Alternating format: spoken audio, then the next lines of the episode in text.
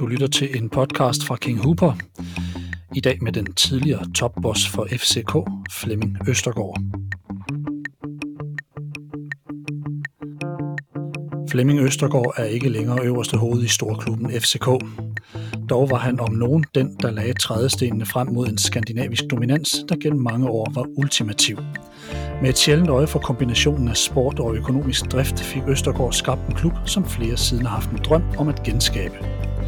Flemming Østergaard vil altid være synonym med FCK som frontmand, der stykkede de rigtige rammer, folk og forbindelser sammen i et af Danmarks historiens mest ambitiøse idrætslige projekter til dato.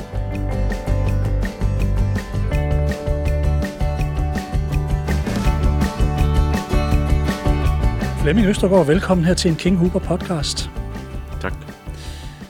Flemming, jeg tror her fra start måske, vi er et par stykker, der godt kunne tænke os at vide, hvad har du egentlig lavet siden din fuldtids FCK-tid?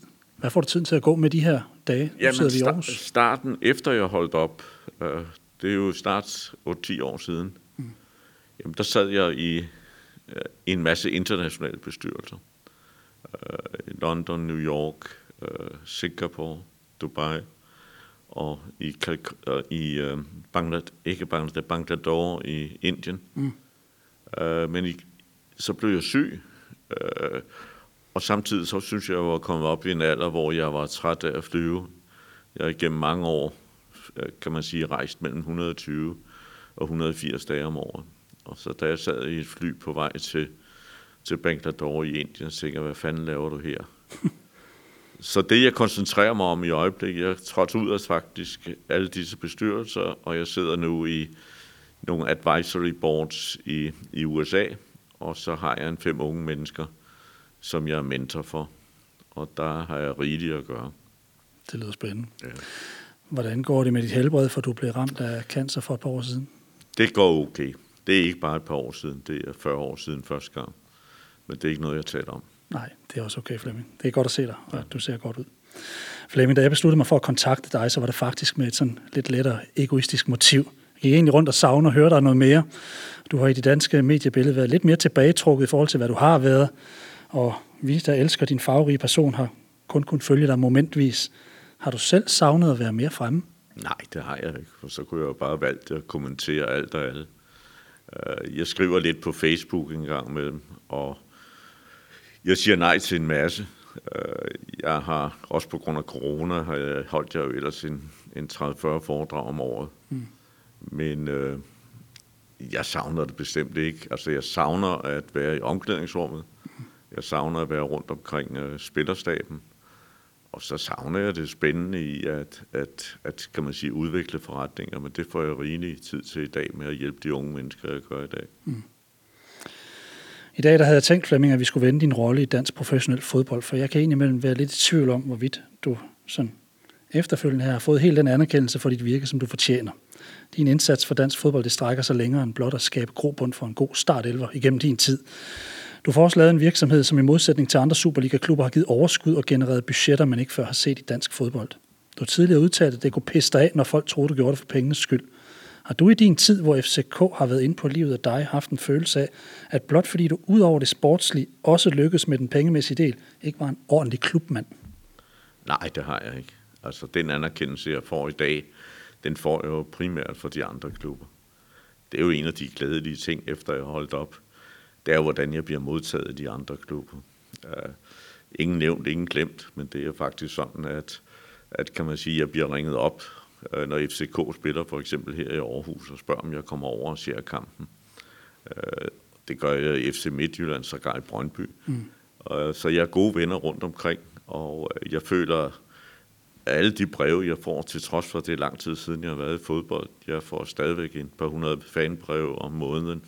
Jeg får stadigvæk øh, folk, der ringer til mig, så jeg er rigelig, og jeg føler ikke, og det er nu heller ikke anerkendelse, men det er klart, at, at du har været med til at skabe, da jeg startede i FC København.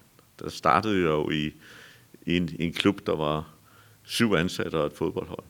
Og man kan sige, hen ad vejen, jamen, der blev vi jo omkring 2.500-3.000, øh, som var på løn. Mm. Så vi skabte jo en virksomhed, som var som der var fuld fart på. Og samtidig gav jeg jo også udtryk, det er klart i starten, der var der jo mange klubledere, og tænkte, hvad er det for en gavtyv, der er kommet ind i FC København? Og det er rigtigt, og det der med pengemænd og alt muligt andet, det kørte jeg træt af. For det, hvis jeg virkelig, hvis jeg kigger i bagspejlet, jamen, så kunne jeg have foretaget mig meget muligt, meget andet. Mm. Så det var en dyr omgang for mig at gå ind i fodbolden, for på det tidspunkt, der havde jeg tilbud, uden at det skal lyde højrøret, for mange internationale selskaber. Men det har været en utrolig spændende tid. Mm. Ingen tvivl om det. Det har været fornøjelse at følge, men jeg har sådan haft den her følelse af indimellem, at menigmand havde det her med, ja, det her var jo, FC København var jo en koncern, og hele den der tankegang, den, vi vender lidt tilbage til det, men... Jo, men det, det er jo det, der hedder klubånd, som folk kender, ikke? Der er ja. også noget, der hedder fod, øh, øh, firmaånd. Mm. Og jeg tror, hvis du kigger på, altså en af de glæder, jeg har i dag, det er jo, at mange af de spillere, ikke bare spillere, men ansatte, der har været i koncernen og i FC København, dem ser jo den dag i dag. Altså, jeg ser Grønkær, jeg ser Tøffe, jeg ser, jeg ser dem alle sammen. Øh, så jeg er stadigvæk i kontakt med, med, med fodboldsystemet. Mm. Og, øh, men som jeg sagde før, altså det, det du savner, det er den der at være sammen med holdet. Det, det er omklædningsrum er spændende. Men igen, tilbage til kultur. Øh, altså, det vigtigste i enhver virksomhed, det er mennesker. Og det er uanset om det er en fodboldforretning, det er et skibsværft, det er en, et pengemagasin, det er en bank, det er alt muligt andet. Mennesker er det vigtigste produkt, du har i en virksomhed. Mm. Altså, du kan have verdens bedste produkt. Hvis du ikke har de rigtige mennesker, glem alt om det. Og så skal du huske på en væsentlig ting, det er, mennesker er forskellige, og kun ved at behandle dem forskelligt, kan du behandle dem ens. Så det, der ligger en masse, altså i hvert fald baggrunden, ikke bare, folk tror jo kun, jeg har været i, i fodboldens verden. Jeg har haft 18 år i international business og rejst rundt i hele verden, som sagt, med mm. hovedkontor. Godt nok har jeg boet i Danmark, men jeg var mere i London og, og USA. Jamen, alt drejer sig om mennesker. Mennesker, mennesker, mennesker. Mm. Og det der statement med mennesker, den, den, den, den tager vi igen lidt senere. Okay. Vi har gennem tiden set flere pengestærke mænd. Flemming går ind i fodboldklubber med store millionbeløb, og alligevel så får så pengene ud. Nu sidder vi her til aften i Aarhus, og den by har tidligere været et godt eksempel blandt flere. Hvorfor er det, det nogle gange går så skidt for nogle klubber, som får stor økonomisk indsprøjtning, mens det for andre lykkes at drive, drive det? Det vil de have talt om mennesker. Også sagt på en anden måde, management. Altså det drejer sig om at få de rigtige mennesker ind i organisationer. Det ser ud til, nu nævner du Aarhus, hvor vi sidder i dag. Det ser ud til også, at Aarhus endelig har fået det mm. rigtige management. Ja. Og det øjeblik, du har det rigtige management, den rigtige firmakultur, og så igen, hvis du er i en sportslig virksomhed, bliver du nødt til at sige, at sportslig succes er ikke lige med økonomisk succes. Men økonomisk succes kan være med til at danne baggrunden for, at du får sportslig succes. Så det, det er en af de der faktorer, der spiller ind. Altså hvis vi kører tilbage der for de der 25 år siden, jamen der var mange fodboldklubber, tjente de 100 kroner, brugte de 100 kroner. Mm. Fik de nogle indtægter på 2 millioner kroner, jamen så brugte de 2 millioner på spillerne. Så da jeg kom i FC København, var der jo mange, der brokkede sig, da vi lavede børsintroduktioner, og tænkte, nu kom der 85 millioner i kassen, nu går han ud og køber fodboldspillere. Nej, det gjorde vi ikke. Vi dannede, byggede en forretning op, som var bæredygtig, således at vi tjente penge, og så købte vi fodboldspillere. Og hvordan hænger det med de rigtige mennesker sammen med det? Fordi nu, nu er vi to på for forskellige, fra forskellige verdener, og når du lige siger, at det handler om mennesker, hvad er det for nogle mekanismer og, og de rigtige forstår, mennesker, du taler om? Jeg forstår, at du er inden for skolevæsenet, altså underviser. Mm. Det er nøjagtigt det samme, det drejer sig om. Hvis du har den rigtige lærer, får du også de dygtige elever. Hvis du har en, en, en lærer, som ikke er interesseret i sit job, og har en attitude, som, jamen, så lærer eleverne heller ikke noget. Så alt drejer sig om mennesker. Så menneskekvaliteter. Ja. ja. Du har faktisk tidligere sagt noget omkring, at dansk fodbold har været for sovset ind i for meget demokrati på ledelsesgangen. Det kan være, det er noget af det, vi også øh, taler om her. Da du overtager FCK i 97 og får en aftale på plads, øh, der får du en aftale på plads, hvor du ligesom har vetoret. Det vil sige, at du får en, en stor magt i klubben, hvor dine beslutninger får en hurtigere vej mod eksekvering. Er det i din optik vigtigt for en organisation, at der ikke går diskussionsklub i den, og at ganske få med sidde med beslutningskompetencerne? Nej, jeg tror, du har misforstået lidt med vetoret. Nå. Det stod i en bog, jeg har læst, men det kan godt være. Ja, man kan godt tolke det som vetoret. Mm. Øh, jeg sagde, at de må melde fra bestyrelsen, hvis de ikke var enige i mine, bestyr- i mine beslutninger. Og nogle af mine beslutninger ville være en art, at jeg ganske enkelt sagde, at det skal være sådan. Øh, ellers så er jeg her ikke mere. Så du kunne godt kalde det vetoret, men det er jo ikke mere vetoret, end bestyrelsen kunne sige, at vi er ikke enige med dig, stik af. Mm. Men jeg ser det ikke som noget skidt. Jeg ser det faktisk Nej, det som gør jeg heller ikke egentlig noget kompetent, det, at man får de rigtige til at sidde. Hvis du på før, ja. med al respekt for det, skulle man jo vende sig til, at det var at det var ved at blive professionelt. Der var kun få klubber, der virkelig var professionelle, og det var øh, folk, der havde været i, i de pågældende klubber i lang tid, og ikke havde erfaring med at, at kan man sige, bygge en organisation op, at fodbold også er indrømme, at det ikke bare var sportsligt, at det også var forretning. Mm. Altså ligesom mange for de år siden, jamen, så var der mange, der, der nærmest synes, det var uartigt at sige, at fodboldforretning var, at fodbold var en forretning. Mm. Ja, ja, det var faktisk det, jeg tænkte, om, om, om der er nogen, der simpelthen øh, bliver stødt lidt på, på det her gammeldags klubåndtænkning og så videre. Da jeg øh, var rundt og holdt foredrag, specielt hvor der var mange klubber, øh, som ville høre, hvor da, da vi havde forholdsvis hurtig succes, Altså, jeg lavede jo nogle hurtige beslutninger i starten. Altså, vi to børsintroduktioner, hvor der blev overtegnet 6-7 gange. Var kæmpe succes. Jeg køber parken, jeg overdækker parken, vi køber LaLandia, vi køber Fitness.dk, vi bygger LaLandia. Der sker en masse ting, og det var der mange, der gerne ville høre om. Mm. Og når jeg rejste rundt, ingen nævnte klubberne. De fleste klubber, jeg været rundt og holdt foredrag. Ja, det startede med, at nu kommer den der højrøde københavner, og han er også så klog, at han kan gå på vandet og så videre. Og det tog jeg stille og roligt, og efterhånden, da det blødte op, hvor jeg tog lidt gas på systemet, ja, så fandt de ud af blandt andet, at vi kan ikke være bekendt ikke at have nogle ordentlige stadions. Og det er jo en af de ting, jeg glæder mig utrolig meget om. Der er faktisk ikke nogen Superliga-klubber, der har decideret dårlige stadions i dag. Der er bygget mange nye stadions, og det var der jo ikke for nogle år siden. Det er rigtigt. Så det er i hvert fald en, om jeg har været medvirkende til det, og så tror jeg, at det input, jeg har givet til dansk fodbold, øh, og det jeg glæder mig derover, altså jeg sidder, jeg er jo ikke anderledes, end jeg også kan lide ros, når jeg sidder, øh, kan man sige, og ser, at alle de brev, jeg har fået, altså for Nordea, så jeg holder op i sin tid, jamen klubben havde ikke eksisteret, hvis du ikke havde været der fra LD, Lønmodtagernes Styrtidsfond, et flot brev om, at på det samme, og, og roser en for den indsats. Det er jo ikke noget, der kommer rundt i aviserne. Det er jo ikke noget, at sige, se her har jeg fået det her. Men for at starte på dit første spørgsmål, så synes jeg, at jeg har fået anerkendelse. Og når jeg sidder og kigger på en meget succesfuld klub, for eksempel som FC Midtjylland, jamen der er det da en fornøjelse at, at se, at, at uh, formanden for FC København, Rasmus, øh, ja, han udtaler en avis, at, uh, at det, det strategiske tiltag, jeg tog i sin tid, jamen, uh, forretningsmæssigt tiltag, det gjorde jo, at vi var 10 år foran de andre. Og, uh, og det, det er da meget ret at læse, at en såkaldt konkurrent kan finde ud af det. Mm. At Claus Steinlein, han i, uh, bliver interviewet til et blad og sender, sender uden min vidne en videooptagelse, hvor han, han roser, uh, altså hvis dansk fodbold har ikke været der, hvor den var i dag, jamen det glæder mig da også. Så, så anerkendelse synes jeg, jeg får rigeligt af. Det lyder godt. Du får bygget noget helt unikt op i FCK, Flemming, hvor du børsnoterer klubben, og der bliver spar, øh, altså det hele bliver til Parken Sport og Entertainment. Du vælger altså ikke at gå ud og investere i dyre spillere, som du selv har sagt. Du vælger at fokusere på at opbygge organisationen, hvorefter du så kan begynde at tænke spillere.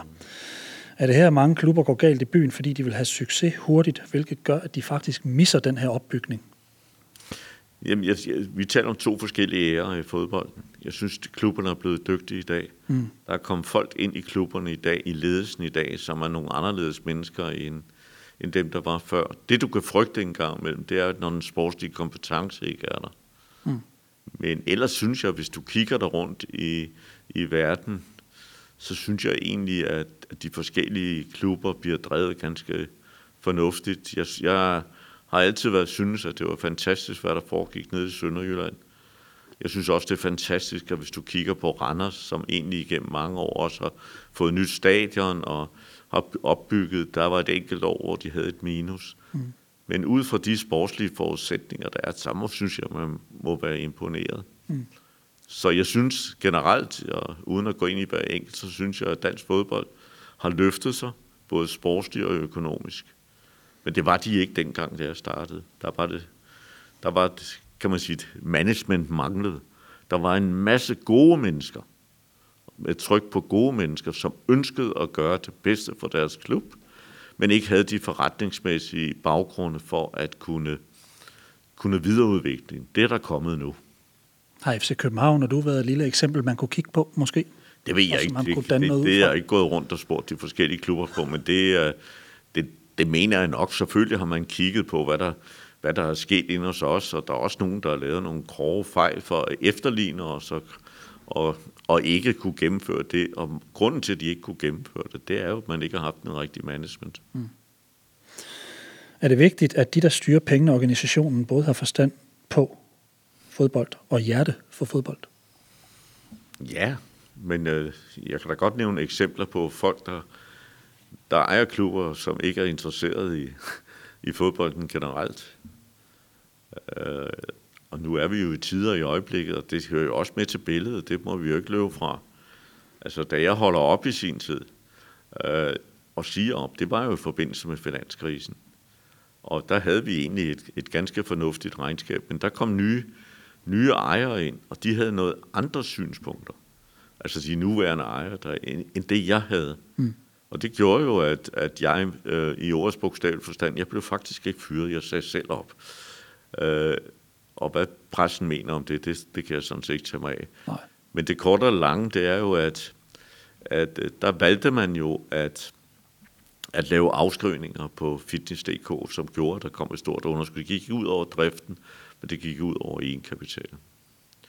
Så det var, det, var jo, det var jo den væsentligste baggrund, at der kom nye ejere ind. Og hele det her management, som du sådan sidder og, og, og, og snakker om, øh, Flemming, det, det lyder som om, du sådan gerne vil opbygge en, en organisme, som næres ved eksperter. Altså at, at, at hver især er god på hver deres område. Mm. Øh, hvornår ramte du sådan bedst i din tid? Var det en ståle, eller var det andre i organisationen, eller var det sådan en samlet pakke for dig? Ja, det, det, det er jo ikke bare... Altså holdet om at bygge en virksomhed op, det klarer selvfølgelig af spillerne, men du har andre dele. Altså mm. jeg har jo haft en, et par nuft, fornuftige mennesker i bestyrelsen, øh, som har, har gjort et ganske godt stykke arbejde. Øh, en, en stor inspiration, som senere kom til Brøndby, Aldo Petersen, han havde en masse gode idéer og tanker. Flemming Lindlev, den tidligere, tidligere direktør for, for Carlsberg, administrerende direktør, var også spændende at arbejde med. Jeppe Christiansen for lønmodtagerne styrtesfolk, fantastisk arbejde med.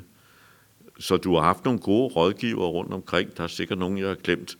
Niels Christian Holmstrøm gjorde et strålende stykke arbejde, da jeg ansatte ham som sportsdirektør. Så, så du kan ikke gøre det alene. Du, kan, du, du må have nogle folk rundt omkring dig, men til gengæld, som jeg sagde, jeg gentager mig selv, så må du være grundig i din ansættelses.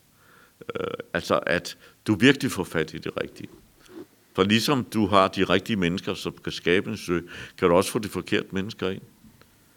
Øh, hvis du kigger dig rundt, ikke bare i fodboldverdenen, eller idrætsverdenen, eller noget andet, jamen så har du jo så har du jo virksomheder, som egentlig burde gå bedre, men de har de forkerte folk. Ja. Så. Når du sidder over for et menneske og skal kigge dem an i forhold til at få dem ind i din organisation, hvad kigger du efter? Det kommer an på, hvilket job det er. Tænker du på en fodboldspiller? Eller? Jeg tænker på øh, for eksempel en fodboldorganisation. Øh. Der skal du have den kompetence afhængig, hvad du. Afhængig, hvad du vil. Altså, du skal have en dygtig marketing og en salgsmand ind, og så skal du have en knalddygtig økonom, altså, som kan styre finanserne, mm. og som kan spare med, med dig i, i direktionen. Og salg og marketing, og så skal du have en dygtig pressemand, afhængig igen, hvor stor virksomheden er. Og så skal du have, blive enige om, hvem er det, der udtaler sig til medierne. Øh, for ellers så kan det køre op i, i, i et eller andet, i hvert fald inden for sportens verden. Men man kan godt, altså, det er jo bevisligt, hvis vi kigger på fodboldens verden, at dem, der tjener flest penge, dem, der offer de fleste penge, det er også dem, der vinder. Der er undtagelser, der kan bekræfte reglen. Men hvis du kigger rundt i de fem store ligaer, mm. og tager inden for de sidste 15-20 år, så er det de samme, der bliver 1, 2 og 3. Og så kan der være et enkelt år, hvor der er en, der propper op af ja. forskellige årsager. Så money talks, mm. men det gør ledelse også. Og når du så sidder på det sportslige plan, for eksempel, så har du jo øh, på et tidspunkt Ståle Solbakken i din trup. Han af helbredsmæssige årsager ryger han ud, men du beslutter dig faktisk, eller I beslutter jer faktisk for at hente ham ind som, som træner. Hvad var det, I så i ham på det tidspunkt? Nu, nu er det, for at være, ikke for at tale om mig selv, nu er det Mike, der gjorde det. Mm, ja, det altså det. Ståle, Ståle øh, kan man sige, headhuntede jeg i OB. Og sammen med Roy Hodgson var vi ude at spille, se ham spille mod AB. Og der spillede han som pose nødder. Så Roy var ikke så interesseret i ham. Nå. Men for en af de få gange, øh, så til Roy, overbeviste jeg Roy om, at han skulle ind. Han kom så ind, og meget mystisk, altså uheldigt, så spillede han 13 kampe, og øh, havde trøje nummer 13.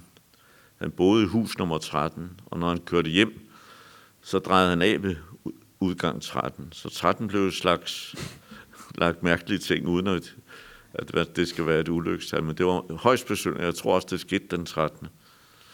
Og det kan vi så fik han så et hjertetilfælde, ja. og øh, heldigvis var vores læge til stede. Ellers så var Ståle død. Mm. Og, øh, og bare det indtryk, han gjorde, og den research, øh, jeg havde omkring Ståle i sin tid, dels fra Norge, jeg kendte nogle nordmænd, Bjørn Spieler, som fortalte omkring det fantastiske arbejde, han havde gjort med hamkamp, som han havde fået op i den bedste række. Og udover det, jamen, så havde han også været øh, U21-landstræner og gjort det fabelagtigt der. Og så mit kendskab til, hvordan han som menneske og, og som født anfører, øh, så var det naturligt for mig at tage nogle samtaler med ham. Så da han måtte rejse tilbage øh, til Norge, der havde jeg ham hele tiden i, i, i, i tankerne og fulgte ham med i hans karriere deroppe. Så da han sparke holdt op, og hvor han sparke gerne ville øh, holde op før, og så sagde jeg, talte jeg med Hans Bakke om det. Han havde jo været træner for Ståle i OB, hvor de blev danske mester. Og han sagde, Flemming, det er en strålende idé. Der er ikke tvivl om, at Ståle han vil kunne opfylde det her job. Og så kom Ståle ned. Og han havde jo ikke kæmpe succes med det samme. Øh, men han havde min tillid. Og det er vel også det, der i fodboldens verden efterhånden er, er fuldstændig vanvittigt. Det er alle de trænere, der bliver fyret. Ja. Og ikke får jeg mener, man skal bruge mere tid på at i ansættelsesfasen. For det er, når først pressen begynder at skrive om, at nu skal den og den træner ud, så får du uro. Og der vidste Ståle, at uanset hvad der skete, og vi tabte nogle kampe, og fansene stod med skiltet over og sige, gå hjem din store nordmand og alt muligt andet bævl og kanel, så vidste han, der skete ikke noget. Det er lang tid. Han havde min tillid. Ikke? Ja. Så hvad var det, han kunne, da han så endelig trådte til? Jamen, han, han var en dygtig træner, en dygtig taktiker, en dygtig øh, motivator. Og det har han jo også bevist. Han er jo klart været Skandinaviens mest succesfulde træner. Ja. Og øh, han fik desværre en afsked, som var uacceptabel. Mm. Og som stadig de ikke kan være bekendt derinde. Man fyrer ikke en, et menneske per telefon. Men det er en længere historie, den gider jeg ikke. Nej, nej, det skal vi slet ikke vende. Øhm, i forhold til netop Ståle, så har du været lidt uenig med ham omkring nogle ting, fordi du har rost en anden af de her store legender i, øh, i FCK, nemlig ja, William Kvist. Jeg må lige blive klar over, at der er mange ting, vi er uenige om. Vi er jo ikke enige om alt. Nej, det er jeg med på. Uh, vi var, det kunne jeg ikke vi havde nogle mig. fornuftige diskussioner, mm. og vi havde nogle uh, uenigheder omkring uh, spillerkøb og så videre. Men Ståle fik, fik uh, altså det var ikke bare, at han fik lov til at gøre det ene og det andet. Det, men vi havde et fabelagtigt samarbejde, og samtidig også oparbejdede vi jo et personligt venskab, så vi har den dag i dag. Jeg har så godt talt med ham i dag. Mm. Så, så, øh, så det er ikke... Du, du tænker på kvisten. Ståle synes, det var en god idé, at han kom i bestyrelsen. Mm. Altså, da, da kvisten kom i bestyrelsen, synes jeg også, det var en god idé. Ja. Det Ståle sagde efterfølgende, det var for tidligt, at han fik totalansvaret for indkøb. Altså i den rolle, han havde der, mm. gik ind som sportschef. Det var det, Ståle sagde. Men Ståle var absolut enig i, at han blev kommet i bestyrelsen. Okay, godt. Fint. Flemming, nu placerer jeg dig ret højt på den her berømte pedestal, når jeg tænker på dansk professionel fodbold. Men i forhold til dine evne til at finde de rigtige folk frem, Hvem har så sådan været bærende støtter for, for, for tilblivelsen af hele FCK-setup'et? Altså, du har nævnt nogle stykker, men, men øh, er det er det, er det, er det holdet, er det organisationen, er det, er, ja, jo, er det hele altså, penge? Alt, alt, alt det, det er organisationen. Jeg har jo altid sagt, som folk ikke rigtig forstår, at fodboldkamp bliver, bliver vundet i bestyrelseslokalet. Mm. Og så kan jeg sige, at det er jo ikke dem, der spiller kampen. Nej, men det er dem, der vælger ledelsen. ledelsen. Det er dem, der vinder den sportslige sektion. Det er dem, der vælger cheftræneren. Det er dem, der er med til at få skaffe holdet. Så, så det, det, det gælder om, det er helt fra starten at ansætte, få etableret den rigtige bestyrelse, mm. få de kompetencer i bestyrelsen, som er nødvendige, afhængig af, hvad man laver. Hvis det er hvis det, man er inde i andre businesses, for eksempel som LaLandia, så gælder det om at finde en administrerende direktør, som har forstand på at drive den forretning. Og han behøver ikke at vide noget om fodbold. Han skal vide noget om, hvordan man driver en, en, en, en, en virksomhed som, som LaLandia. Hele tiden at være skarp på at finde de rigtige mennesker. Og det er jo derfor mange virksomheder, når de laver en forkert beslutning, jamen så, øh, så kan det være en katastrofe. Så, og igen har jeg jo set utrolig mange gange inden for erhvervslivet øh, topprodukter, som ikke får den forventede succes på grund af forkert management. Men du kan se, jeg vil ikke kalde det dårlige produkter, mm. som, men produkter, som er fine naturligvis. Men dem, der har produkterne, de vil egentlig være glade for at have et topprodukt, men alligevel har de kæmpe succes, fordi de har de rigtige mennesker. Så igen, vi, alt for mig drejer sig om mennesker. Mm. Og netop det her med Ståle og afskeden, det er ikke fordi, vi skal, skal jogge rundt i den, men jeg tænker faktisk lidt i forhold til dig. Du var med til, du har nævnt det her med, at I, I havde aftaler om, hvem der udtalte sig til pressen osv. Der var mange røster frem om, at Ståle stod meget alene til sidst. Var meget bevidst, når du for eksempel var meget verbal og var ude at støtte eller tage noget fokus. Altså fik sådan en som Ståle, bare som et eksempel, lidt mere ro øh, under dig, for eksempel, fordi du også var meget fremme og, ja, og tage lidt jo, pres. Det har han jo også skrevet. Mm. Men altså, øh, igen, jeg vil nødig bruge tid på at kritisere den nuværende ledelse. Nej, det er heller ikke det, jeg er ude i. Nej, men, men det er også management. Mm. Øh, man, man, øh, man tænker sig ikke om i forbindelse med, med fyringen af stål. Man bruger ord som værdighed. Man bruger ord, at nu har man fået en ny træner med menneskelige egenskaber. Og indirekte siger man, det havde man jo ikke før. Nej. Og det er det, jeg får vred over. Mm. Og det er det, man ikke kan være bekendt. Og, øh, og det hjælper ikke noget, at du har alle managementordene, og du kan holde en tale og lave et... Hvis du ikke i ordets bogstand forstår forretningen, og det er en af de ting, som jeg tillader mig at sige omkring den nuværende ledelse. De har ikke de sportslige kompetencer. Det har de ikke. Nej. Hvor skal de få dem fra? De er ikke inde i bestyrelsen. Og derfor har Ståle stået alene. Kan det rettes op? Ja, ja, det kan det da. Det kan det da. Indtil videre har, må man jo sige, at, at William har jo truffet nogle rimelig gode beslutninger. Jeg tror, at, at Jes er en, en, en fantastisk træner. Mm. Øh, jeg tror også, at, at, at Lerup, øh, Jakob er en dygtig assistenttræner. Men det eneste, som du kan sige, det er, hold da kæft, den sportslige sektion derovre, den er jo snart dobbelt så dyr som hele Lønbys, øh, Lønbys øh, spiller, og det er uden spillerholdet, ikke? Øh, uden, uden spillertruppen. Ja. Men selvfølgelig kan det, men det gælder igen hele tiden om at få de rigtige mennesker ind i systemet.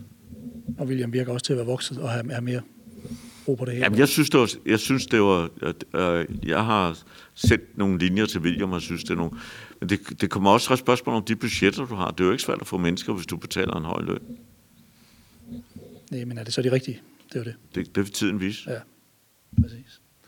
Flemming, i forhold til medierne, mm. så har du beskrevet, at øh, sportspressen, synes du indimellem, er på lidt på, på lavblus. Jeg tænker også, at øh, du anerkender de journalister, der har niveau. Det er, det er med på. Du generelt ytret, at du følte de gentagende gange tegnede lidt forkert billede af dig sådan over årene. Hvilket billede var det i det, din optik, der sådan blev tegnet? Og hvordan burde det rigtige have set ud? Øh, der er flere, der fortalte mig, at, at man skal passe på, hvis vi kigger omkring. Det er jo klart, altså lige siden jeg kom ind i fodbolden, har der været sanktioner på det. Det, jeg er irriteret over, og det gælder ikke bare sportspressen, det er research. Det er, at man, man i stedet for, man skriver nogle ting, der ikke er belæg for. Og, øh, og, det, og det gælder begge veje.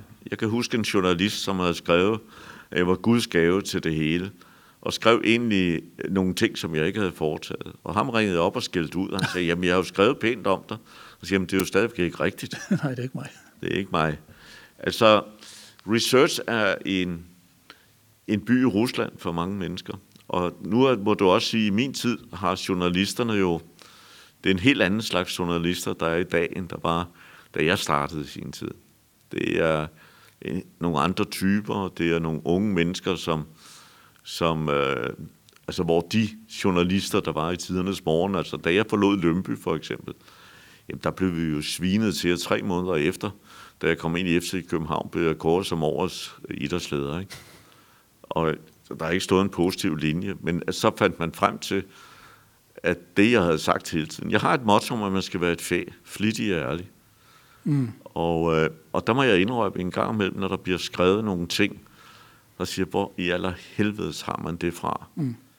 Øh, jeg har været udsat for decideret løgn. Jeg har været udsat for, at pressen har måttet betale for, for de løgnhistorier, der er, der er blevet trygt uden nævnt, ingen nævnt, ingen glemt. Men samtidig har jeg jo også, er det jo også meget interessant i dag, mange af de journalister, der var dengang, er faktisk blevet personlige gode venner i dag. Øh, hvor vi kan sidde og tale om, om gamle dage, og, og jeg kan vise den papirer, som, som, øh, som beviser, jeg glemmer alt jo. Og, øh, og, og derfor, ja, jeg er jo ikke den eneste. Altså, og man kan sige, at fire af mine bedste venner, jamen, de er journalister, ikke? Mm. Flere af dem, jeg har talt med undervejs i de her podcasts, har nogle gange sagt til mig, at de kan have en lille smule svært ved det skrevne ord, fordi det er noget med, så skal man hjem og omformulere det, du har sagt, tage et direkte citat, men så bliver der skrevet alt muligt. Jo, men jeg fik jo også til, på et tidspunkt, øh, stod der i den plade, den presseliderlige. Mm. Og, og, og jeg, jeg kunne godt finde på at ringe op, så, så ringede jeg ham op og siger, du, øh, har jeg nogensinde ringet til dig? Nej, det havde jeg ikke. Øh, kan du ikke spørge alle dine kolleger, om der er nogen, jeg har ringet til for at få et interview? Øh, jo, så siger jeg, men når du ringer til mig, er jeg som regel ikke venlig. Øh, jo, Jamen, det må, så måtte jeg så undskylde. Ikke? Altså, det er en gang imellem, ingen glemt, ingen, altså, der er nogle overskrifter en gang imellem, det er der også den dag i dag, og det er ikke bare inden for sportens verden. Ej, det er... Der er også skrevet en bog om mig øh, i tidernes morgen, som fik fantastisk gode øh, anmeldelser. Men der var 200 og næsten 60 faktuelle fejl i. Ikke?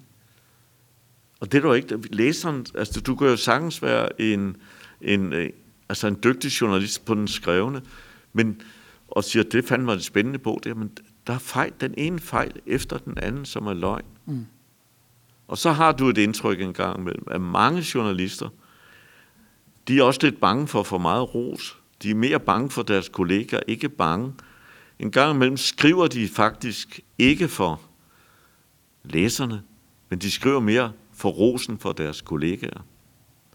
Handler det om det her med at få nogen på glat is og komme ud og, og, Nej, og få lidt... Jeg, jeg tror ikke, der er nogen, der er decideret onde, men... men, men Nej, det tænker jeg heller ikke, men... Men, men der er øh, den dag i dag øh, stadigvæk det, der hedder research, og jeg ved ikke, nogle blader er mere seriøse end andre, så vi kan ikke tage alle over en kamp. Nej. Har du det bedre med at sidde og snakke sådan her, hvor du ved, at det er dine ord, der kommer Jamen, frem? Jeg har og ikke? intet problem. Altså, vi skal, jeg skal også samtidig, som en gjorde mig opmærksom på, øh, altså vi har noget, der hedder Firebanden.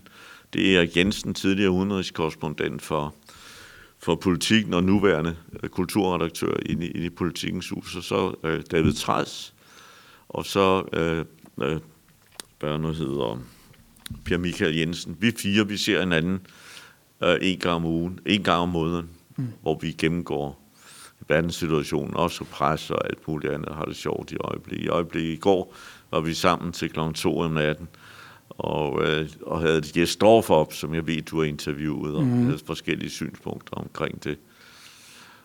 Og der kan du jo også, vi kan bruge ham som eksempel, der kan du også se et, et, et, et eksempel på, på, hvordan medierne behandler det, og både på den ene vej og den anden vej, ikke? og forskellige synspunkter. Men det skal der også være. Men endelig må jeg også sige, jeg er også blevet gjort opmærksomhed. Lad os sige, der er 100% artikler. Jamen, så er 90% positive, men meget ofte, inklusive mig, så fokuserer man på de 10%, der er negative. Mm. Og glemmer det, der er positivt. Så man skal også kigge ind af. Har medierne for meget magt? Hallo, medierne har mere magt end, end, end Folketinget. Ja. det er der, der er ikke tvivl om. Nej, jeg vil bare høre din mening. Ja, altså, det er en fjerde statsmagt. Altså, mm. der er politikere, som sidder i de forskellige partier, deres ungdomsorganisationer, der læser ekstrapladet og BT og hvad de hedder alle sammen. Og alt, hvis der er noget, der skaber forsider, jamen, så kan du jo høre det. Uh, altså, det er der jo ikke tvivl om. Og så må jeg jo sige, at vi har de, jeg har stor respekt for dem, der stiller op til Folketinget. Uh, men Altså, hvor mange vil du antage? Vi har en regering i dag. Altså, der er ikke nogen, der har erhvervserfaring. Mm. Jeg skal da tage mig sammen og have en erhvervsminister, som overhovedet ikke har noget erhvervserfaring. Som Martin Thorborg siger, det er så egentlig er pis på erhvervslivet. Mm. Og det giver ham da ret i. Han er sikkert en flink fyr, det er der ikke tvivl om. Men det er lidt svært, synes jeg, at, at, at takte. Men til gengæld må jeg også sige, jamen, hvorfor stiller folk ikke op? Altså, vi har jo dem, vi fortjener. Vi har jo selv stemt på dem. Vi mm. har demokrati. Men jeg tror, der er utrolig mange mennesker, også på grund af medierne, der ikke ønsker at stille op. For det, de ryger igennem pressen, altså, og så er der også kommet det, der hedder de sociale medier. Ikke? Mm. Og der, hvis X mand øh, har en virksomhed, eller han sidder i en spændende stilling, og har det egentlig godt, men egentlig er politisk interesseret, og så lige pludselig kommer han i Folketinget, ja, så er der et eller andet geni inden for medierne, der finder ud af, at han har været gift to gange, og, og alt muligt andet pisser lort. Ikke? Mm. Øh, og det er jo også, det er også lidt af det, der ligger i Paul Madsen, er jo eksempel i, at han synes, at alt drejer sig om, om at vi alle sammen skal vide både det ene og det andet. Ikke? Mm. Og jeg synes, man skal trække nogle grænser en gang imellem.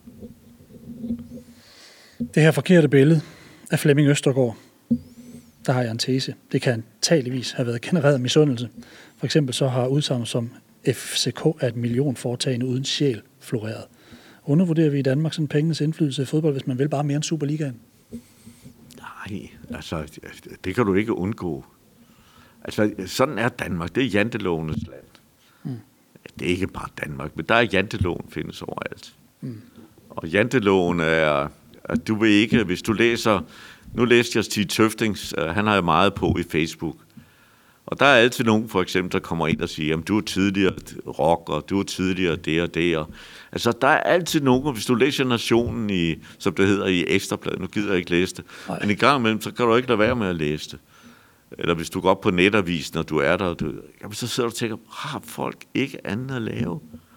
Lige i starten, så troede jeg, at det var noget, man konstruerede bare for at lave ballade. Nej, der er mennesker, som i ordets bogstavelige forstand øh, simpelthen er kvævlanter, og vi har hele den der MeToo-kampagne i øjeblikket. Ikke? Altså, hold nu kæft, ikke? Mm. Altså, ja. Vi har ikke mere at gå op i, eller hvad? Ja. Men i Danmark, Flemming, nu snakker vi janteloven, og jeg ved godt, den florerer andre steder. Du har sikkert også øh, mødt den alle mulige andre steder, når du er så berejst. Der har vi svært ved at anerkende dem, som virkelig udretter noget indimellem. Men mindre de dør, så vil vi gerne give dem et vejnavn eller lignende. Ja. Vi er et lille land, og indimellem, så kan vi som nation blive lidt fanget i at tænke det småt og godt. Nærhed og hygge, det er vigtigt for os. Evner vi egentlig i DK at fagne det her med storhed, eller har vi lidt svært ved det? Jamen, jeg tror, vi er tilbage igen til, der, at vi taler om de der 15-20 procent, som brokker sig overalt. Ikke? Jeg plejer gerne at bruge et eksempel omkring janteloven. Altså hvis du forestiller dig en vidtighedstegning, og så står der en mand i pis regnvejr med en par fly i New York, og han står og kigger ud, og der kommer en, en kæmpe Mercedes, der kører forbi, og han kigger ud på vejen, og så op i boblen, der står, hvis jeg nu arbejder stenhårdt de næste tre år, kan jeg også købe sådan en. Og så ser du nøjagtigt den samme tegning. Bare i København, der er i København. Men oppe i boblen, der står, det er sikkert en firmabil, eller også er det en skattesnyder. Altså, Og det er typisk. Der er nogen, der... Og så har vi det, der hedder venskaber. Altså, du har venner, og du har bekendte. Og, og der bliver du overrasket en gang imellem. Altså, jeg, kan man sige, har en, fant- en fantastisk øh, netværk. Øh, og, men jeg har altid kunnet skælne, hvem der var rygklapper, og hvem der var rigtige venner. Det er ikke lige med, at rygklapperne kunne jeg godt være sammen med, men det kunne jeg ikke i min, gamle, i min unge dage. Der har jeg kastet dem væk. Mm. Men jeg har oplevet så mange eksempler på folk, som man tror er ens ven. Det er det, Jes Dorf går igennem i øjeblikket. Han får virkelig at vide nu, hvem er mine venner, hvem er mine bekendte. Han har også ytret det. Hvem vil, hvem vil sidde ved siden af mig i parken, og hvem vil ikke sidde ved siden af mig i parken, eksempelvis. Mm. Og jeg har oplevet til en reception, hvor jeg har været, og hvor jeg har stået og talt med et menneske, og lige pludselig øh, ser jeg bag i mig, at en af mine nærmeste venner, som har en som på det tidspunkt havde et stort job, og en stor svinede ham til. Og jeg vender mig om, og vedkommende, som kritiserer ham, bliver helt rød i hovedet, for han er klar over, at det er min meget nære ven. Og han gik også for at være hans gode ven. Og jeg kiggede og, og gjorde sådan her til ham. Den ven, han kritiserede, skulle ikke være kommet, han kom alligevel. Og jeg taler så videre og tænkte, jeg må tale med ham bagefter. Og så kom ham, han havde kritiseret. Hvem tror du, der stod omfavnet ham? Ja, det kan man sige. Altså, ja. og der er, altså det er også en af de ting her i livet, man må lære. Det er, at man må skille hvem, hvem er venner og hvem er bekendte. Ja, men jeg tænker også lidt mere brede spektrer, det her med, at vi for eksempel øh, i Danmark måske har lidt svært ved at være i den her asymmetri med, at nogen er hævet. Altså, nogen bliver hævet op. Altså, det kan man jo i USA. Der kan man hylde sin helte, og jeg kan huske første gang, jeg stod i LA. Jamen, du har, du har en... Øh, Ja, det er et andet mindset jo. Det er et helt andet mindset. Altså kommer du i USA, hvor jeg er cirka tre måneder om året. Jeg kommer gartneren, ja, så er han i business, ikke? og altså der, der er en anden tone. Altså folk respekterer øh, på en anden måde, men mm. så er der sikkert ikke meget andet lort i USA. Jo, jo. Øh, men det er ikke bare i Danmark, det synes jeg lige, jeg vil fortælle. Det er ikke bare i Danmark, du har jantelov. Den findes sgu alle steder næsten, men primært i Skandinavien. Mm. Ja, fordi jeg tænkte på, hvad var det her med, at store personligheder som her, en Preben Elkær, jo, men jeg, jeg, har, jeg, har, jeg, jeg, jeg går, i nogle tilfælde, nogle af de ting, der får, nogle af de ting, som der, der har generet mig sådan i, i meget forløb, det er, at jeg får skyld for at være en hård negl. Mm. Og, øh, og hvis en hård negl, det har generet mig en gang, men jeg, men jeg siger min mening. Øh, jeg, øh, for eksempel, i det tilfælde, jeg lige nævnte der før, der går jeg hen til vedkommende og siger, hvad fanden bilder du dig ind? Altså, jeg konfronterer folk med, hvis jeg synes, der er noget, der er forkert. Hvor andre mennesker siger, ah, det gider jeg ikke blande mig i, eller det gør jeg ikke dit og dat. Og derfor, derfor en af de vigtigste ting for mig i livet, det er faktisk øh, venskaber øh, i ordets bogstavelforskab. Og der er jeg lykkens bare julefis over, at jeg har så mange gode venner. Kan du så godt tilgive, når du har øh, oplevet sådan noget? Kan, kan, altså, kan du tilgive det kommer folk, an på, de har... hvad, det kommer an på, hvad det er. Ja. Øh, jeg må indrømme, at jeg, hvis der er nogen, der decideret har svigtet mig, mm. Jamen, så tilgiver jeg dem ikke. Det er ikke lige med, at jeg ikke, altså, jeg ser dem, så, så er jeg iskold. Mm. Men heldigvis er der kun få af dem. Men ja, de er der. Det har vi jo alle sammen. Det tror jeg, vi går igennem alle sammen. Ja, ja. Flemming, netop omkring det der med den, med den hårde negl, som du siger, du har fået lidt et, et brand en gang imellem. Så har du undervejs været sådan en bredspektret personlighed, som strakte sig fra og kunne være lidt intimiderende men samtidig hjertevarm. Har du været bevidst om, hvornår du enten slap Jekyll eller Hyde løs i din karriere? Eller har du bare været ærlig, og så har det været sådan her, når det Nej, var sådan her? jeg har vel også... Har du brugt det? Altså, jeg kan godt være hurtig i replikken, og der har jeg da, en, har jeg da også nogle gange, måske i den replik, kom til at, at genere nogle mennesker, men jeg er aldrig bleg for, hvis jeg bliver gjort opmærksom på det, og, og gå hen og sige undskyld. Jeg har aldrig været bleg for at sige undskyld. Mm. Men jeg, jeg har mange foredrag, jeg har holdt, for eksempel i Jylland, har jeg jo svinet jyderne til øh, på en forhåbning, hvor folk, de har, le- jeg vil lige vil sige, da vi lavede de der videofilm i sin tid med Det må du gerne i parken, mm-hmm. jamen, øh, jeg tror næsten, jeg har flere fans i Jylland, end jeg har i København. Tror du det? Ja. du sidder også her sammen med mig. men, men, men, men du har også det her over dig, Flemming. Du virker aldrig til at tvivle på dig selv. Øh, jeg står for, beskrevet, at du på et tidspunkt var efter ham, fordi han yes. overvejede et jobskifte. Nå. Der var noget omkring, at var, skulle jeg det ene, eller skulle jeg det andet, hvor du bare sagde, lad nu være med at være sådan en tøs, kom nu bare i gang, øh, sagde du til ham. Hvordan, hvordan har du båret dig ad med at smide frygten i forhold til det her med at tage chancer? Har du altid haft det med dig? Ja, vi har aldrig været, altså rent arbejdsmæssigt, jeg har aldrig været bange for at, at starte virksomhed eller hjælpe folk. Altså, jeg har altid sagt, at øh, altså, det, jeg er tilbage til det flid, et, et fæ, og det starter jo alle foredrag med, at man skal være et fæ, og folk tænker, hvad mener idioten, ikke? F mener flittig, som sagt, e er E ærlig. Hvis du er flittig, jamen, så kan du altid klare sig. Altså, du kan tage fem, øh, fem hvad noget hedder, avisruter, og du kan fejre gade. Du kan altid få et job. Selvfølgelig er der nogen, der... Men jeg har aldrig været bange for de ting. Og jeg heller aldrig... Jeg kender mine egne evner, så jeg har aldrig været bange i den retning. Bestemt ikke. Men jeg har også været... Altså, jeg er også meget... Der, altså, selvom jeg har bevæget mig erhvervsmæssigt, altså de før jeg kom ind i fodbold, indtil 86, jamen, der var jeg jo, øh, sad jeg i bestyrelser i, i firmaer på 10, 20, 30.000 øh, mennesker, og, og, og, og var vel rundt i, øh, bliver hentet af chauffører, bøvl og kanel. Mm. Men jeg har aldrig gjort forskel på folk. Altså, det er vel en af de ting, jeg, om det har været rengøringshjælpen eller det er direktøren, jeg har aldrig gjort forskel. Og det samme var det jo de regler, der var i parken ved min webarrangement. kom folk forkert, jamen, øh, for sent, så kom de ikke ind. Jeg har haft en overborgmester, som har stået og sagt, jeg kan ikke komme ind, sagde nej. Og hvor min sekretær kom hen og sagde, X, krammer. Kramer, øh, han står dernede, jamen han er en halv time for sent, så kommer han ikke ind. Der er jo ikke mange, der tør at gøre, men til gengæld læste lærte de det. Yes, han, yes, for eksempel, når du nævner ham, ja. han, øh, han øh, glemte at melde afbud til to gange, og så ringede til et arrangement og siger, det, det går ikke, yes du kommer ikke ind de næste uger karantæne. Altså, jeg forlangte, at folk mødte op, og jeg gjorde ikke forskel på, på statsminister eller minister, eller sågar de kongelige var derinde. Det, det var under meget afslappet forhold, og det tror jeg, alle havde respekt for. De havde et rum, hvor der var de 50-70 mennesker, der var ikke nogen med, der var ikke noget presse, og folk kunne slappe af. Og en af de glædelige ting, det var, det var Bertel Hårder, som kom hen, da han var til mig og sagde, Flemming, jeg har jo aldrig nogensinde lært de her mennesker at kende, mm. øh, hvis vi ikke var med til de her, de her arrangementer. Så jeg tror, at, at det var en, altså det var et frirum for mange, og samtidig var det jo også, skal det jo altid, fantastisk markedsføring. Mm. Jeg brugte jo ikke, eller vi brugte jo ikke en krone i markedsføring. Det kommer sig selv. Jamen altså, vi havde jeg en koncert eller en vigtig Europa, så stod samtlige tv-kanaler ved den røde løber, og der stod alle. Vi var på forside og bagside, ja. på godt og ondt.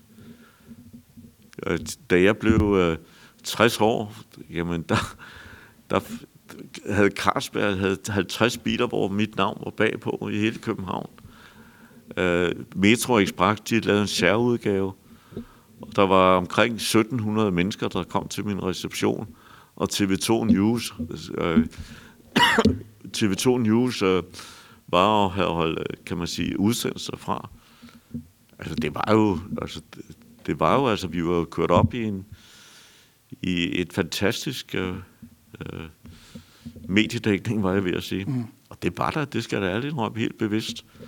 Men til gengæld var der mange, der troede, at jeg var glad for. Det var jeg sådan set ikke. Min kone måtte skubbe mig ud nogle gange. Så hun sagde, du må du tage entertainer-tøjet på, og så kom ind. Ja. Kunne du lokke hende med? For hun har ikke været så glad altid for at ville det. Der har aldrig været nogen journalister. Altså, nej, der har aldrig været nogen i mit hjem. Nej, det var det. Og jeg har sagt nej. Selvom jeg var med i mange tv-udsendelser, så sagde jeg nej til meget. Det kan jeg godt forstå. Ja. Flemming, øh, det der med at tage chancer og ikke være bange for det. Hvad er den største chance, du har taget med FCK?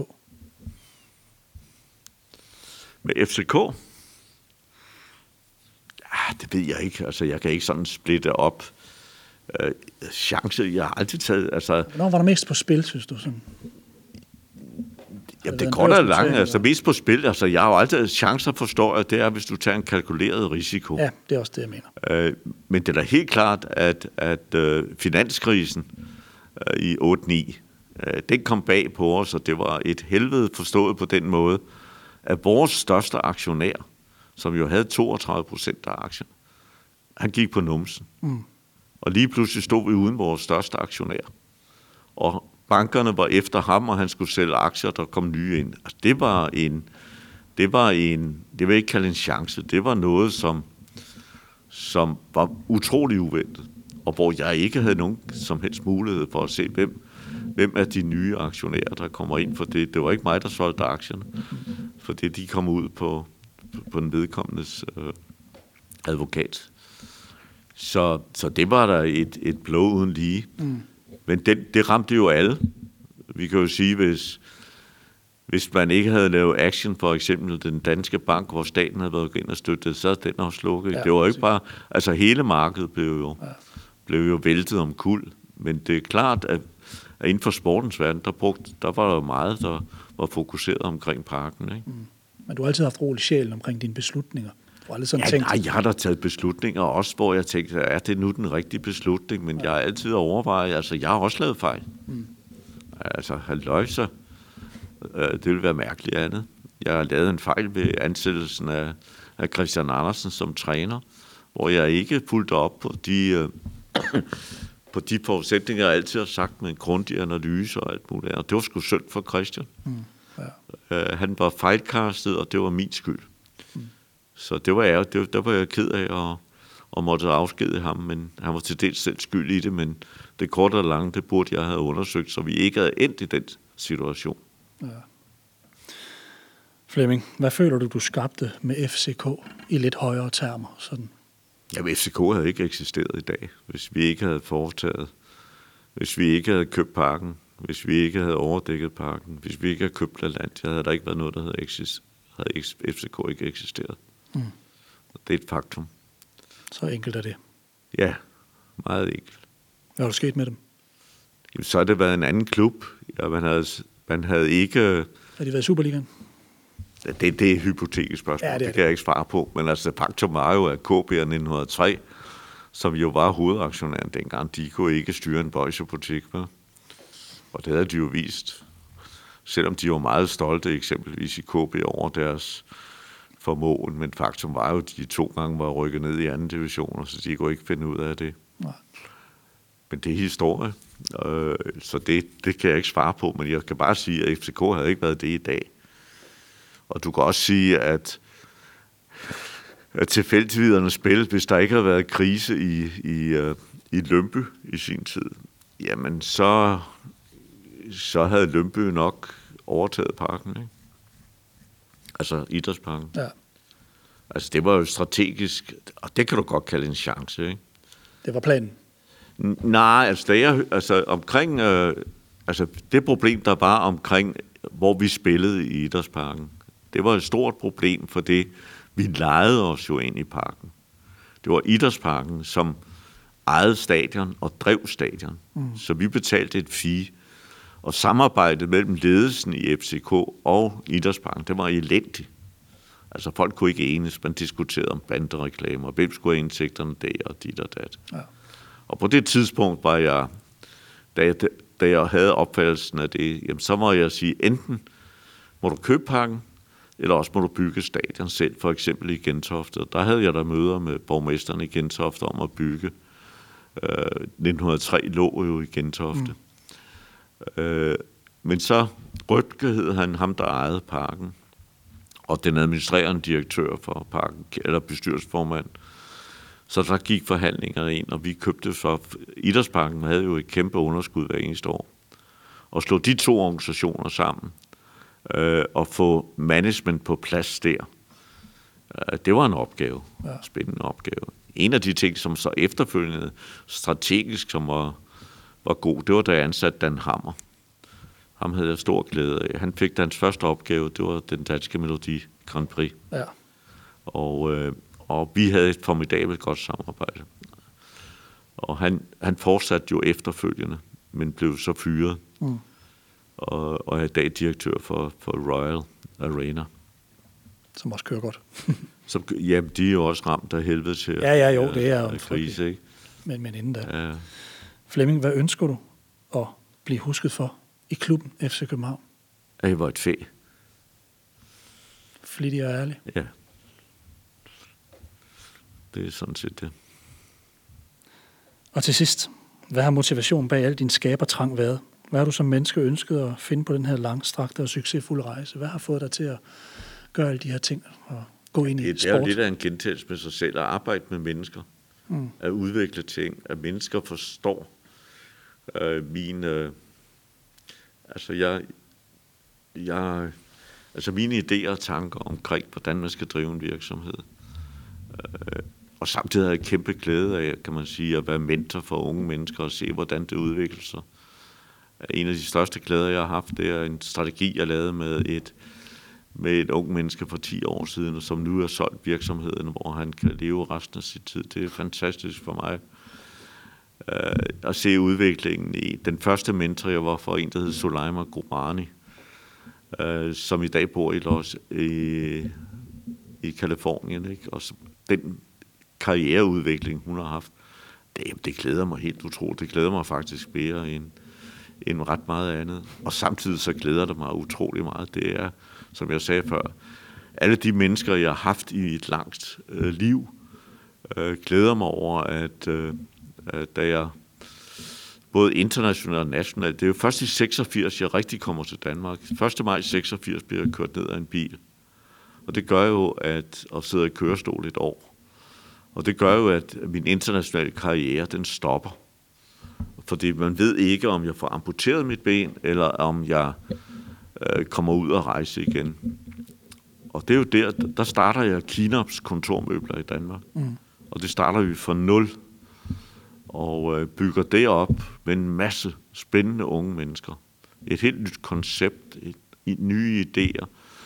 Jeg sagde, vi sælger ikke kontormøbler, vi sælger ergonomi, og vi sælger livsstil. Og folk kiggede på mig, jamen det er ikke kontormøbler, det var Skandinaviens største fabrikant, der var deroppe. Og bygge den virksomhed op med unge mennesker, og, og øh, var fantastisk. Og bygge Kinas internationale op var helt fantastisk. Mm.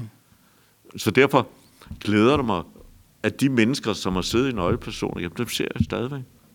Kommer stadigvæk forbi mig og ringer, jeg får julekort og fødselsdagskort og og det, det tyder jo på, at man har behandlet dem nogenlunde, og de synes, det har været spændende at arbejde med mig. Men det er jo ikke lige med, at jeg på vejen ikke har måttet tage nogle beslutninger, hvor nogle mennesker synes, at... Men hvis nogle mennesker decideret snyder, eller siger, det er min kollega, og, det ba, ba, ba, og ikke spiller med i et holdspil, jamen så er jeg hård. Mm. Så er det ud af røret. Men heldigvis kan jeg tælle dem på, på den her hånd. Det er meget godt gået i din position. Ja, men, øh, men det er... Men det, det, det var selvfølgelig også en anden verden, efter jeg begyndte at arbejde rigtigt i Danmark og starte den virksomhed op, der hed Kinops. Ikke? Øh, I udlandet var det en helt anden ballgame. Ikke? Der opererede du i, øh, i bestyrelseslokalet, ikke? En, en, en, en virksomhed, en pengeskabvirksomhed, der hed TAN. Jamen, øh, det var bestyrelsesmøder hele dagen, eller board of directors møder, og du var ikke sådan tæt på, det var forretningsmæssige beslutninger, og køb af selskaber, og tog til USA og, startede et firma op, der hed Intersect. Det vil jeg ikke undvære over alt i hele verden. Så mange folk, der siger, jamen, det er dit livsværk, FC København. Ja, øh, jeg elsker at være der, jeg synes, det har været spændende at bygge op, men jeg kan nævne tre andre ting, der har været lige så spændende. Mm. Altså at bygge en virksomhed op, der hedder Intersect i USA, fantastisk. Kinops at bygge den op i Danmark. Fantastisk. Også fordi jeg, kan man sige, valgte nogle andre mennesker, øh, nogle andre idéer og tanker inden for en branche. Så det er det, det, det, der har glædet mig mest. Flemming, det her er en sportspodcast. Tak for din... det er så lidt. Nej, tak for din indsats for dansk fodbold og FCK. Det har været en kæmpe fornøjelse. Tak for din tid. Det er så lidt, du. Husk, du kan finde blogs, artikler og podcasts på kinghuber.dk. For teknikken i dag stod Carsten Pedersen. Mit navn er Steffen Pedersen. Tak for nu, og på gensyn.